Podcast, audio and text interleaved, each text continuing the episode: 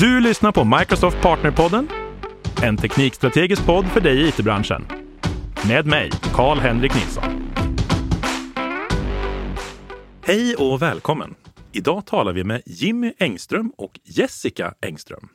Jimmy och Jessica är två av Stockholms hörnpelare när det kommer till att driva community-event. De gör podcasts, arrangerar konferenser och det är första gången jag har med ett par MVPer som också är ett par. Välkommen Jimmy och Jessica! Tackar! Jag älskar att Jimmy måste hålla sig för skratt.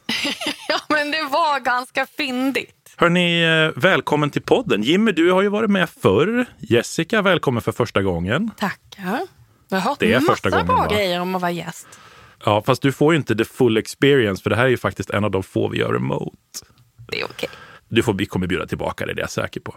Hörni, ni har ju arrangerat eh, .NET Castle Conf, vill jag minnas att den hette, och även varit med och arrangerat Sven Tugger i år, eller hur? Och .NET Frontend Day och det är no end to vad vi håller på med, höll jag på att säga. Just det, det, var .NET Front, förlåt. Hemskheter och glömma bort saker. Ni gör så lite, ni gör så mycket saker menar jag, så det är svårt att komma ihåg allt. Lagom till början av mars hade vi bränt av tre konferenser i år. Men är det svårt att arrangera en konferens? Om man har ett genuint intresse. Vi har ett intresse för vi både går på konferenser, vi pratar på konferenser. Då är det lite lättare för att det är väldigt roligt, men det är väldigt mycket jobb också. Man måste hitta talare, man måste hitta... När man väl har fått in en massa förslag på sessioner så måste man välja mellan de här och det är... Ibland sitter man där med 800 fantastiska sessioner men man får bara välja ut 50. Och det, det är ganska Det är lite svårt. taskigt. Ja, man känner sig lite taskig faktiskt. Försöka känna av vad tror vi att publiken eh, kommer vilja se. Är de intresserade av det här ämnet? Ska vi testa det här som är lite smalare? Försöka planera vilka rum. kanske ska förklara Call for paper. Jag vet att vi har pratat om det någon gång förut i podden, men eh, Call for paper är det vi kallar för det man skickar in att hej, jag vill prata på er konferens och det här vill jag prata om, eller hur? Ja, abstrakt. Precis, det kanske finns ett svenskt ord där också. Ja. Men händer det något att man väljer liksom en, ett dåligt abstrakt för ett bra ämne? Det hänger lite grann på dels om man vet vem talaren är. Att om man vet att han eller hon är väldigt, eh, har hög kunskap i ämnet, då kan ju även ett dåligt abstrakt vara intressant. Absolut. Och är det någon som konferensen känner sedan innan eller någon som kanske sitter med i programkommittén känner till innan, då kan man pinga till den personen och säga, hör du, den här abstraktet, går det att göra någonting åt det? Vi skulle eh, vilja se kanske den här inriktningen. Är det rimligt? Det vi gärna gör också är att försöka bygga antingen nya talare eller hjälpa till, som Jessica säger, att men det här abstraktet var inte riktigt det vi letar efter, skulle vi kunna spinna det på det här sättet istället? Och det är ju otroligt bra feedback när man är ny och även när man är gammal i gamet skulle jag vilja hävda. Det är fantastiskt att få höra. Det är lite intressant det här du säger om att bygga nya talare. För jag upplever egentligen att det är svårt att prata inför folk. Jag har ändå gjort det 150 plus gånger på konferenser. Om man räknar med meetups och så vidare. Du ska inte sluta skryta. Jag är fortfarande förmodligen 50 procent av vad ni har gjort. Men trots det så upplever jag liksom att det är svårt. Det är en, en skill att prata inför folk. Hur jobbar ni med att ta fram nya talare så att det ska bli bra? Liksom? Dels så kan vi handplocka människor. En av eh, .NET-communityns eh, nya stjärnor, höll jag på att säga, hon är inte så ny längre, Stacey Cashmore till exempel. Hon eh, hittade, hittade jag på en konferens och kände att hon pratar med sån passion om det hon gör. Så att det här skulle passa väldigt bra på konferenser för att jag tror att hon skulle fånga folks intresse och sådär. Så vi började jobba tillsammans och prata olika tips om hur man kan lägga upp sessioner och sådär. Sen gjorde hon ju mm, allt jobbet för hon är naturligt ganska bra på att prata. Men dels så har vi också haft till exempel på Svetug, där brukar vi erbjuda talarträning. Oavsett om du är ny eller gammal, för att det är ändå en färskvara. Har man inte pratat på ett tag, då behöver man liksom träna upp sig själv igen. Och det säger ju ingenting om dig som om din kunskap. Det handlar ju bara om att man hela tiden vill bli bättre. Gud, alltså när man klev på scen efter pandemin.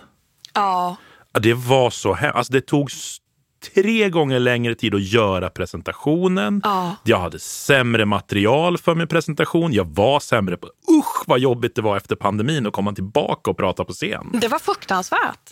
Helt plötsligt så har man en annan setup.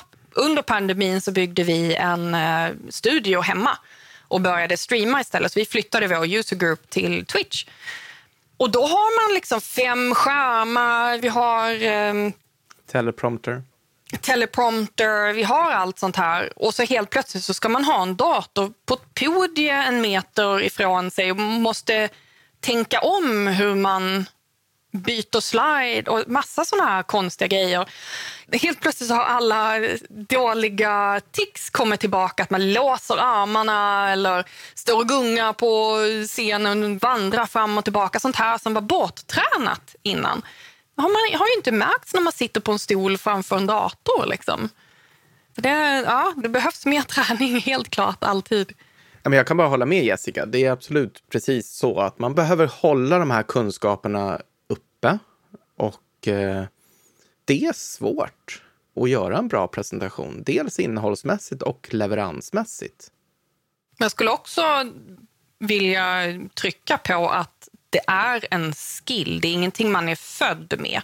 Första gången jag gjorde en presentation, vilket dessutom var för en väldigt liten skara människor på en utbildning, det var helt svart. Jag minns ingenting av vad jag sa. Jag vet att jag pratade om någonting om IT. Men det fick jag berättat för mig efteråt, för att det bara svartnade helt och hållet. Men idag är jag ute, ja, inte just idag, men nu är vi ute och, och pratar över hela världen på både små och stora ställen. Och, så att det här är någonting, det här är ingenting som man ska skrämma folk med, liksom, utan det är mycket jobb. Men är man beredd att göra det här så är det värt jättemycket. Intressant. Om man lyssnar på det här då och så känner man att men jag skulle ju vilja bli en bättre kommunikatör, kanske till och med stå på de här stora scenerna som du nämner. Var skulle ni säga att man börjar? Det som fick mig att dyka ner i presentationstekniksträsket, om man säger så, det var när jag insåg vad presentationsteknik är.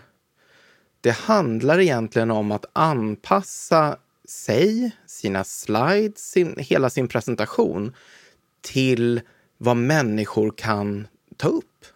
Det handlar egentligen om UX för presentationsteknik. Anpassa sättet man säger saker på, antal saker på en slide och så vidare och så vidare för att det ska nå åhöraren på bästa tänkbara sätt. Och att man ska komma ihåg informationen. Så att liksom hitta den här informationen, eh, läsa på om presentationsteknik är ju otroligt spännande tycker jag. Är det där du tycker att man ska börja eller ska man titta på, men jag har någonting som jag är väldigt passionerad över? Jag tror absolut att man ska börja med att hitta ett ämne som man tror att man kan bidra med. Ska inte jag outa någon här, men jag vet många väldigt erfarna föreläsare som submittar talks och abstrakt på saker de inte har fått tummen ur och lärt sig. Ja, det här är en väldigt rolig grej för att eh, igen för att inte outa några människor, men det är, ett hel, det är en handfull människor kan vi säga. Det är ganska Det, många. det här är ganska många människor. det är ganska många människor.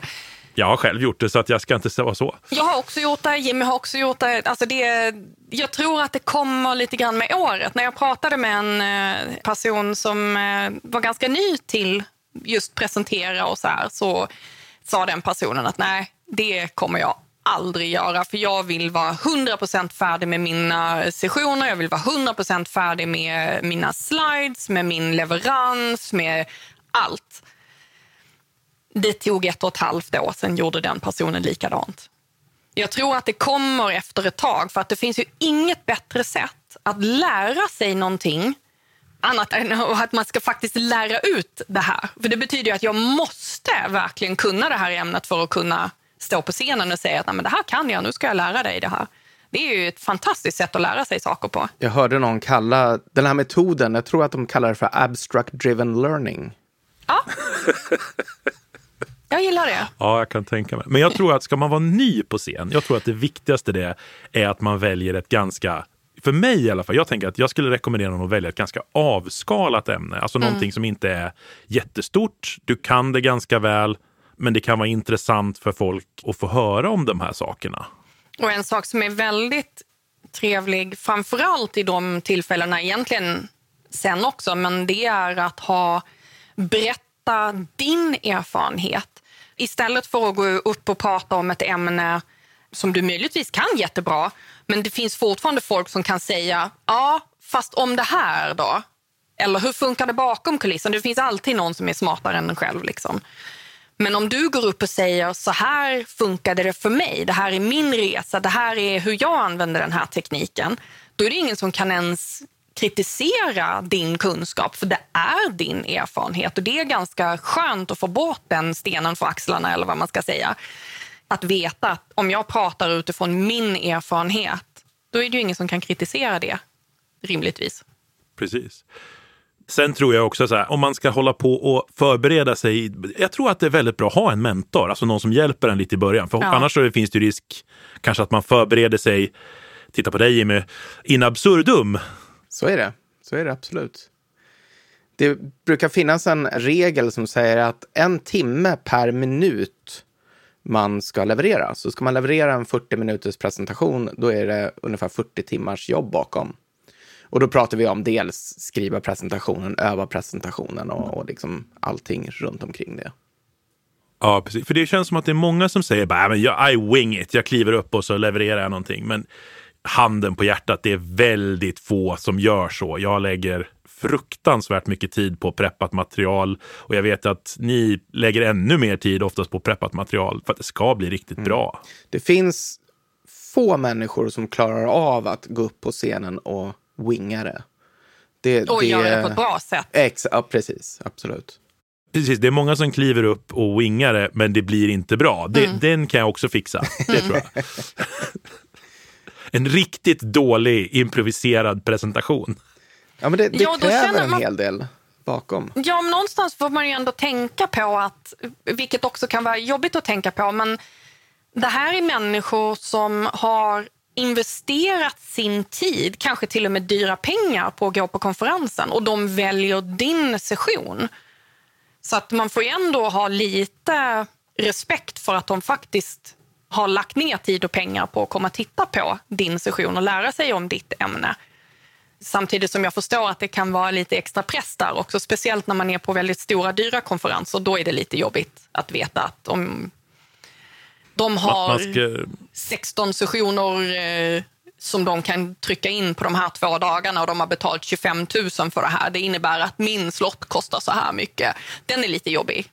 Man ska aldrig räkna ut vad sin slott kostar. Det är inte bra när man får 200 pers och vet att det kostar en 500 per skalle. Liksom man bara Jesus. Nej, den är lite jobbig. Men jag tycker ändå att man ska ha respekt för att um, förbereda sig. Jag tycker också att man ska ha tillräckligt mycket respekt för att hålla tiden ungefär, åtminstone på ett ungefär. Om det går fem minuter för lite eller fem minuter för mycket, ja men det är väl en sak så länge det inte är en talare efteråt som blir drabbad. Men om du råkar leverera lite snabbare än vad du gjorde hemma när du tränade, det är okej, okay, du kan ta frågor. Men om du går in och levererar 20 minuters presentation på 45 minuters sessionsslott, då skulle jag känna mig lite, lite lurad. Eller ja, att den personen kanske inte brydde sig tillräckligt mycket. Liksom. Och jag tycker att det här vi säger nu, det kan man direkt ta och sätta in i vilken föreläsningskontext som helst. Ja. Alltså, om du är en, en börs-vd, säljare, whatever, som ska in och hålla en presentation för en grupp människor. Det är snyggt att vara lite förberedd och det är snyggt att veta ungefär hur lång tid det tar att säga det du ska säga. Mm. Alltså träning är jag tror nästan alla som jobbar i IT-branschen har varit med om den där personen som skulle berätta om någonting och det hade kunnat bli en så bra story, men det föll lite kort. Ja, och jag tror att hade man bara tränat lite på det eller förberett sig lite så hade det blivit jättebra. Det är ju som du säger, det... mycket av presentationsteknik kan man ju använda i sitt vardagliga liv också. Mm. Ja, ett, ett, bra tips att ta med sig är faktiskt att träna. Mm det finns ju en massa saker som man kan eh, lägga till till en presentation, alltså kryddor eller vad det nu kan vara för någonting. Men det finns också en del, del saker som tar bort från en presentation. Jag misstänker att det är det Jessica är inne på lite grann. Att Filler Ska, words. ska, vi till ta exempel. en, ska vi ta en topp tre, det här ska du sluta med, och topp tre, det här ska du börja med? Oh! Ja, men börjar du med din då, så tar jag nästa.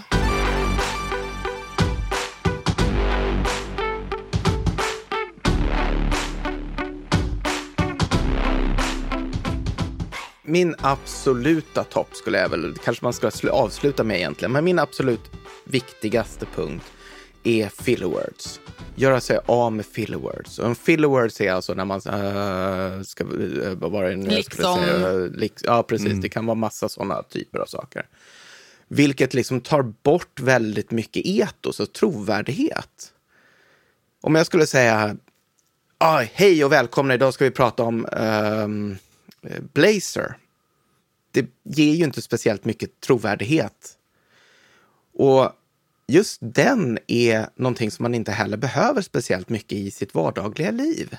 Den stör hela tiden, överallt egentligen. Så att plocka bort den. Oftast så har vi mycket mer filler words än vad vi tror. Vi hade en speaker training där man pratade om the um-index. Där man skulle räkna antalet ums per minut. Yep. Och det var ju liksom ett antal ums per minut man skulle ha innan folk började märka det. Och Jesus, när man väl har börjat tänkt på det, vad många ums per minut det finns. Det är jätte, jättemånga. Vi har precis eh, börjat med eh, speaker training på jobbet. Och nästa topic är filler words. Jag borde ha tränat bort det här redan, men det är som du säger, det är covid och sen så la, la man av med en massa grejer. Det blir helt annat när man streamar, där pratar man på ett annat sätt. Men jag tänker ändå att men någonstans så har jag ändå kanske lägre än average ändå när vi gjorde vår, bara så här, vi ska testa ut vår övning, tre minuters presentation. Jag tror att jag kom upp i en filler sound, det var inte filler word, en filler sound var 18 sekund på tre minuter. Och mina filler sounds, jag har överlistat mig själv. Jag säger inte öm lika mycket, men jag säger saker som blev för långa för att jag funderar. Så jag kunde lika gärna sagt öm. Så det är verkligen också en sån här färskvara man måste träna på. Ja, okej, så kan vi säga. Topp ett, sluta med filler words. Ja. Min topp skulle jag nog säga är pauser. Våga ha paus på scenen. För en Och tack sekund. gode gud. Jag trodde du skulle säga träna bort pauser. Jag bara, men det är ju så jag besegrar mina filler words. Nej, nej, nej. Bästa sättet att träna bort ett filler words är att ta ett djupt andetag, ta en paus, fortsätt. Och det är, på scenen så känns en sekund som tio minuter när man pausar. Jag kommer inte ihåg vilken talarträning det var på heller, men där var det någon som sa att när du börjar må fysiskt illa, då är det lagom. För i publiken så känns de här fem sekunderna eller tre sekunderna, de känns som tre sekunder. Det är ingenting. Inga konstigheter överhuvudtaget. Ändå så vågar vi inte riktigt ta pauser när vi står på scenen för att vi måste ju leverera allt det här. Så definitivt våga ta pauser och det kommer hjälpa folk med att faktiskt orka lyssna så länge. Om det är 20 minuter eller om det är en timme. Vi kommer orka mer för att det finns pauser där, jag kan, där hjärnan kan andas lite eller få lite space. Jag kan separera de olika topicen som pratas om. Så att, ja, den är nog min absoluta favorit. Så då behöver vi en till. Det ger också dig som talare en lite tid att tänka och mig som åhörare lite tid att ta till mig det du precis sagt. Just det. Så det ger Har inte du en mycket. story om pauser också från jobbet? Från Jo. ett tidigare jobb? För, ja, det var ganska många år sedan nu, så kom min chef in i rummet och så sa han, eh, jag kommer inte exakt ihåg vad han frågade, men han frågade mig någonting om, är det här möjligt? Och jag direkt svarade, absolut, det är inga konstigheter, eller nej, det går inte, jag minns inte, jag minns faktiskt inte vad outcomen var i, i det fallet. Men så han, han tackade och gick därifrån och så kom han tillbaka en timme senare och ställde exakt samma fråga till min kollega. Min kollega sa, jag vet inte, men låt mig återkomma. Så jag frågade honom efteråt att men alltså, han frågade mig precis den här saken för en timme sedan. vad är upp med det? Och då svarade han, men eh, du svarade på en gång, eller hur? Ja, jo, ja. Och det ger sämre trovärdighet än att säga antingen eh, jag vet inte, låt mig återkomma. Eller att man liksom faktiskt funderar en liten stund. Och så sa jag, men jag visste ju svaret. Ja, jag vet också svaret. Men han väntade med att ge det svaret för att ge en mer trovärdighet. För att liksom, men jag har tänkt igenom det här. Jag har tagit ditt ärende, funderat och levererat tillbaka.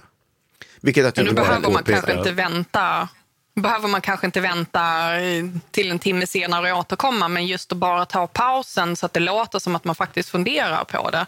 Precis. Det är ganska kraftfullt. Det blir i alla fall jättejobbigt att vänta en timme på scen. Om jag återkommer till er i nästa session.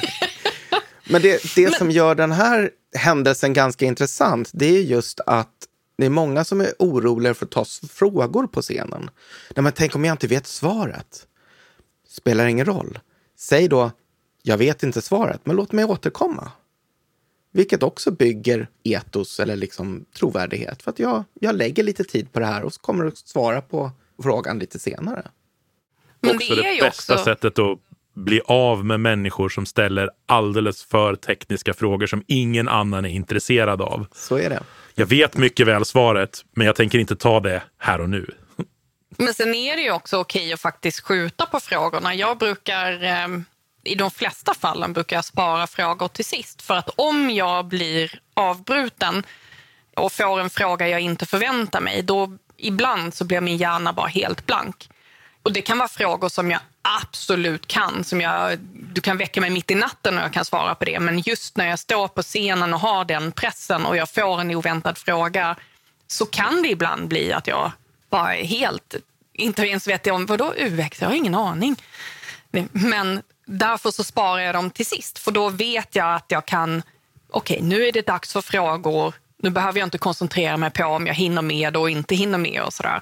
Så att det är ju också okej att faktiskt inte ta frågor om man inte vill, eller skjuta på dem.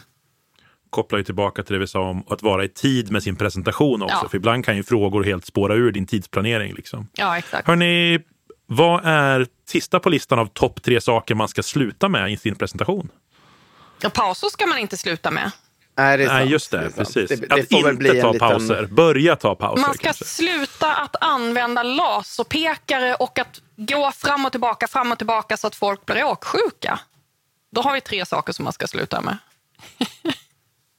laserpekare är bra för katter att leka med, kanske till och med hundar. Ja, ja det håller jag med om. Laserpekare har nog ingenting i en presentation att göra. Det går ju alldeles utmärkt att förbereda de saker man vill markera. Det är absolut, jag håller helt med. Men har ni tre saker man ska börja med då? Pauser. Då har vi startat på den. Yes. vet, Vad ska eh, man mer börja med? Den här blir lite konstig för det blir lite grann 50-50 med börja och sluta antar jag. Men jag hade en eh, kollega. Vi pratade om just presentationsteknik och att jag kanske skulle köra någonting på jobbet. Och han direkt, åh, powerpoint, det behöver man lära sig. Det vore toppen att behöva lära sig, liksom, vill kunna lära sig. Varpå venen i pannan sprack antagligen på en gång. Och det här är ett väldigt vanligt problem, att när man pratar om presentationer så tänker man powerpoint. Allt ska finnas i powerpoint. Allt behöver vara en slide. Det ska vara så mycket information på varje slide som möjligt så att jag sen kan ta min, mina slides och dela ut dem till åhörarna. Jättebra. Problemet är att om det finns text så kommer man läsa texten. Vilket innebär att det jag står och säger på scenen kommer man inte ta upp alls. Eller så kommer det vara så, eller också ska jag väl säga, så kommer det vara så att det man läser kommer man inte heller ta upp för att det är någon dåre som står och pratar samtidigt. Så att 1 plus 1 i det här fallet blir noll. Man har ingen behållning av det som är på sliden, man har ingen behållning av det jag precis har sagt på scenen. Och någonstans så får man väl fundera på det här med, ja men det är jättebra att du vill dela med dig av den här kunskapen efteråt. Men skriv en bloggpost. För powerpointen är ett verktyg, det är inte den som är presentationen. Skriv ett bloggpost, skicka ett mejl. Varför är jag där om du ändå ska läsa allting på en slide? Eller ha två separata PowerPoint-däck. Ja. En för handouts, en för Ja. presentationen. Det kostar i alla fall inga extra att göra mer PowerPoints. Det Nej. har jag upptäckt under mina fem år på Microsoft. PowerPoints är uppenbarligen gratis. Jag har en side-note på grejer man eh, ska sluta göra just när det kommer till PowerPoint. Sluta fokusera på hur många slides du har. För det makar ingen sens. Vad säger det åhörarna när de ser att jag har, när vi är på två av 20 slides? De har ingen aning om hur långa mina slides är. I många fall så har vi hamnat i diskussioner med andra presentatörer och sådär när de har sagt liksom att Nej, men man har en slide och då har vi kommit överens på företaget att den är 30 sekunder. Och då vet man, då ser jag här om det är 20 stycken kvar, då är det 10 minuter kvar av presentationen. Då kan jag sitta och räkna ut det. För det första, om de sitter och räknar ut hur många sekunder och minuter det är kvar, då har vi ett helt annat problem och de lyssnar inte på dig. Men för det Jag tänkte säga andra... Berätta för mig att du är en usel presentatör utan att säga att du är en usel presentatör. Men jag brukar berätta för dem exakt hur många slides jag har när den här diskussionen kommer upp. Och i vissa av mina 45 minuters presentationer och timmes presentationer då har jag alltså 200-300 slides. Men det är ingen som märker det. För att jag har kanske dubbletter av samma bild för att jag vill ha lite anteckningar eller man kanske klickar in istället för att ha tio items på sliden så kanske man klickar in dem en och en. Då har jag ju tio slides bara där. Liksom. Så att det, siffran hur många slides du har, släpp det. Gör så många som du behöver. Ja. Jag tycker om att två av era börjar med vad börja sluta med. om jag ska summera här nu då, så vad var det vi sa nu då? Så den första var att man ska sluta med filler words. Den andra var att man ska, man ska sluta med att inte sluta med pauser. Ja, Ja, Man ska börja med pauser. precis, men det var ju på slutarlistan. Ja, fast vi kan ju inte det här med att sluta och börja ordentligt, verkar det som. Om vi summerar våra tips säger vi då. Vad heter det? Sluta använda filler words. Börja använda pauser. Ja, sluta Fokusera använda inte- laserpekare. Sluta använda laserpekare. sluta räkna powerpoints. Sluta räkna powerpoints. Börja träna på ditt material. Ja. Och prata gärna om någonting som du är passionerad över och utgångspunkt din erfarenhet. Ja, precis. Det kanske låter lite grann som att vi försöker skrämma bort folk nu och säga att måste träna jättemycket och det är massa människor, det kostar mycket pengar för dem att vara där. Och det... Men det är ju det, är det roligaste som finns att stå på scen och prata. Och när man får bra feedback, då är det ju... Det blir ju inte bättre än så nästan. Det finns ju få saker som är, är så givande när någon kommer upp. Jag vet jag hade en presentation som jag hade kört ganska många år. Och jag tänkte nej, nej, nu är det sista gången jag kör den här. Sen blir det inte mer för att alla borde redan kunna det här för att jag har pratat på varenda en konferens i hela världen kändes det som för mig i alla fall. Och det här ämnet var uttjatat nu. Och så kommer det upp en person efteråt och bara det här är det bästa jag någonsin har sett. Du har fått mig att förändra sättet jag ser på användare, på sättet hur jag kommer att arbeta framåt. Det här var supervärdefullt. Och bara, ah, fan, då måste jag ju fortsätta med det här.